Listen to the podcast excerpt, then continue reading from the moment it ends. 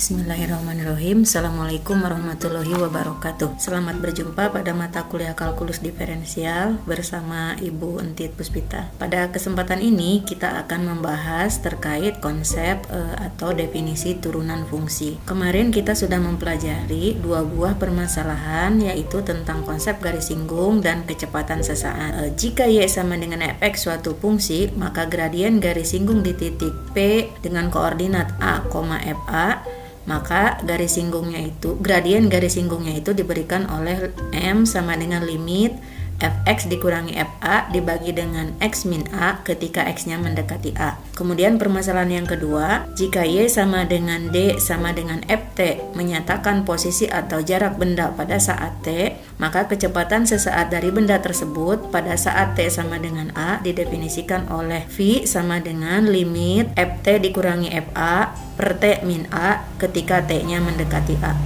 Jika diperhatikan, keduanya memiliki bentuk yang sama, pada kesempatan ini, bentuk tersebut akan kita beri nama dengan notasi tertentu. Apakah itu? Nah, konsep tersebut itu adalah turunan fungsi. Berdasarkan hal tersebut, kita akan definisikan turunan fungsi f. Turunan fungsi f adalah fungsi lain yang nilainya pada saat a dinotasikan dengan f aksen a dengan definisi f aksen a sama dengan limit fx dikurangi fa dibagi dengan x min a ketika x-nya mendekati berarti A. Ketika limit ini ada, maka dikatakan F terdiferensial di A. Bentuk yang setara dengan F aksen A diberikan ketika kita mengambil atau memilih X min A sama dengan H, sehingga X-nya dapat dinyatakan sebagai A ditambah H.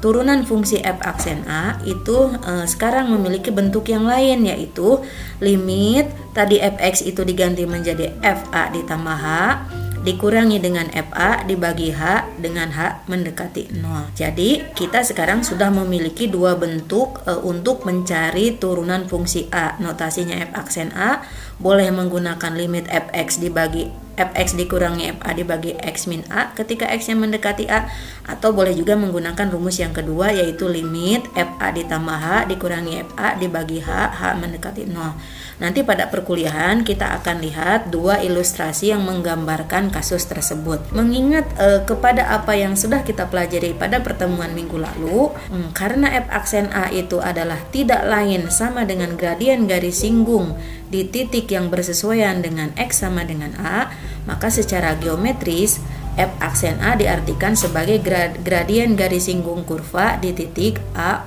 FA. Karena A adalah sembarang nilai yang boleh diganti oleh nilai berapapun, nah, kemudian kita akan dapat menggantikan A ini dengan variabel e, X sehingga kita memiliki bentuk f aksen x sama dengan limit fx ditambah h dikurangi fx dibagi dengan h ketika h-nya mendekati 0. E, jika limit ini ada, maka f aksen x diartikan sebagai turunan dari f terhadap x. Nah, dari dua bentuk ini kita akan dapat menentukan turunan berbagai fungsi yang diberikan. Karena turunan ini menggambarkan gradien garis singgung, maka kita dapat menentukan perilaku dari garis singgung tersebut. Nah, misalkan kita punya uh, kurva yang memiliki persamaan fx sama dengan 1 per x. Nah, dengan menggunakan salah satu rumus yang uh, tadi kita gunakan, kita akan memiliki f aksen x-nya itu adalah negatif 1 per x pangkat 2. Nah, karena f aksen x sama dengan negatif 1 per x pangkat 2 itu adalah gradien garis singgung di sembarang titik yang bersesuaian dengan x, katakanlah x-nya kita titiknya itu kita ambil misalkan a, 1 per a karena tadi fx-nya adalah 1 per x berarti ketika x-nya a maka fx-nya adalah 1 per a. Jadi titik singgungnya itu adalah A per 1 min A.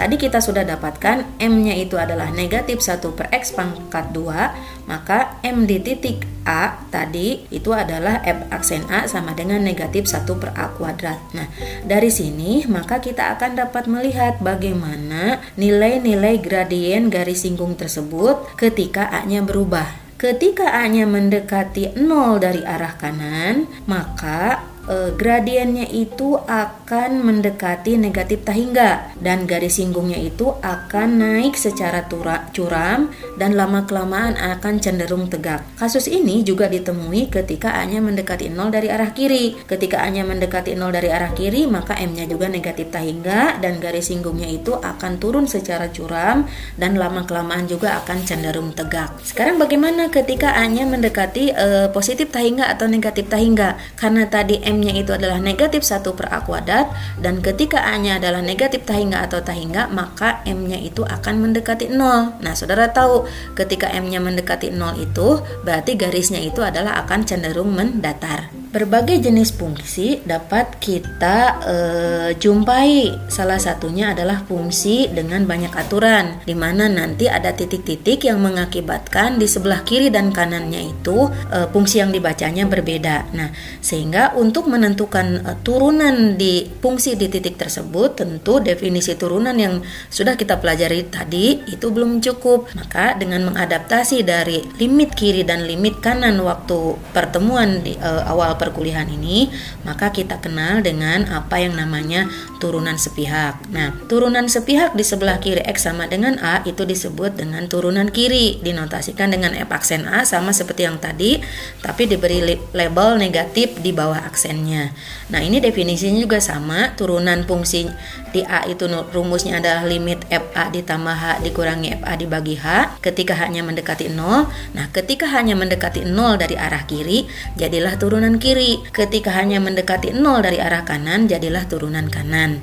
Simbolnya F aksen A, kemudian diberi label positif di sebelah di bawah aksennya. Nah, tuh kita mendefinisikan tentang limit, e, suatu limit dikatakan A ketika limit kiri dan kanannya sama. Demikian juga waktu membicarakan tentang kokontinuan. F dikatakan kontinu di A jika kontinu kiri dan kontinu kanan. Nah, ini pun sama. F aksen A ada itu ketika turunan kirinya ada dan nilainya sama dengan turunan kanan gitu ya. Kemudian ketika kita juga membicarakan uh, kekontinuan pada suatu interval, maka kita juga mengenal dengan apa yang namanya kekontinuan pada interval terbuka, baik itu berhingga terbukanya maupun tak berhingga nah suatu fungsi dikatakan terdiferensial eh, pada interval terbuka AB ketika f aksen x-nya ada untuk setiap x anggota titik dalam pada interval tersebut. Definisi pada yang sama itu dijumpai ketika e, f-nya itu dikatakan terdiferensial pada selang tutup A dan B, pada selang tutup A, B gitu ya. Nah, ketika dikatakan kon terdiferensial pada selang tertutup A, B itu ada du, tiga syarat yang harus dipenuhi. Syarat yang pertama adalah f aksen x ada untuk uh, setiap x pada interval terbuka a dan b. Nah kemudian uh, f aksen a dari arah kanannya ada, berarti turunan kanan di uh, batas kiri uh, interval a, b ada.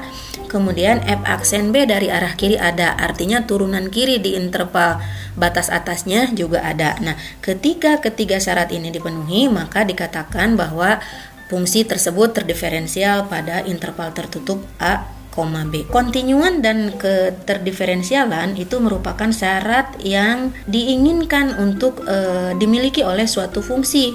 Nah, teorema berikut menggambarkan hubungan keduanya. Jika fx-nya itu terdiferensial di x sama dengan a, maka fx akan kontinu di x sama dengan a. Tetapi teorema ini tidak berlaku sebaliknya, karena nanti ada fungsi yang kontinu di a, tetapi dia tidak terdiferensial di a. Jadi kalau terdiferensial itu mengakibatkan kekontinuan, tapi kekontinuan belum tentu mengakibatkan keterdiferensialan. Kalau ada fungsi yang kontinu saja yang tidak mengakibatkan keterdiferensialan, fungsi yang tidak kontinu pasti tidak terdiferensial gitu. Nah, dari permasalahan ini maka kita dapat tarik suatu kesimpulan bahwa ada dua syarat yang harus dimiliki oleh suatu fungsi agar terdiferensial di X sama dengan A. Syarat pertama itu adalah fx continue dx sama dengan a. Syarat ini dikenal dengan syarat e, perlu bahwa suatu fungsi itu akan suatu fungsi itu akan terdiferensial ketika fungsi tersebut continue di titik itu. Yang kedua itu adalah namanya syarat e, cukup bahwa tidak tidak cukup continue saja suatu fungsi itu terdiferensial tetapi harus turunan kiri di x sama dengan a sama dengan turunan kanan di x sama dengan a. Jadi dua syarat e, dua syarat yang harus dimiliki yaitu adalah syarat perlu dia harus continue di a, syarat cukupnya itu adalah turunan kiri sama dengan turunan kanan. Itulah yang bisa Ibu sampaikan pada kesempatan ini. Kita akan lanjutkan pada perkuliahan e, supaya pemahaman saudara terkait dengan definisi turunan jauh lebih baik. Terima kasih. Assalamualaikum warahmatullahi wabarakatuh.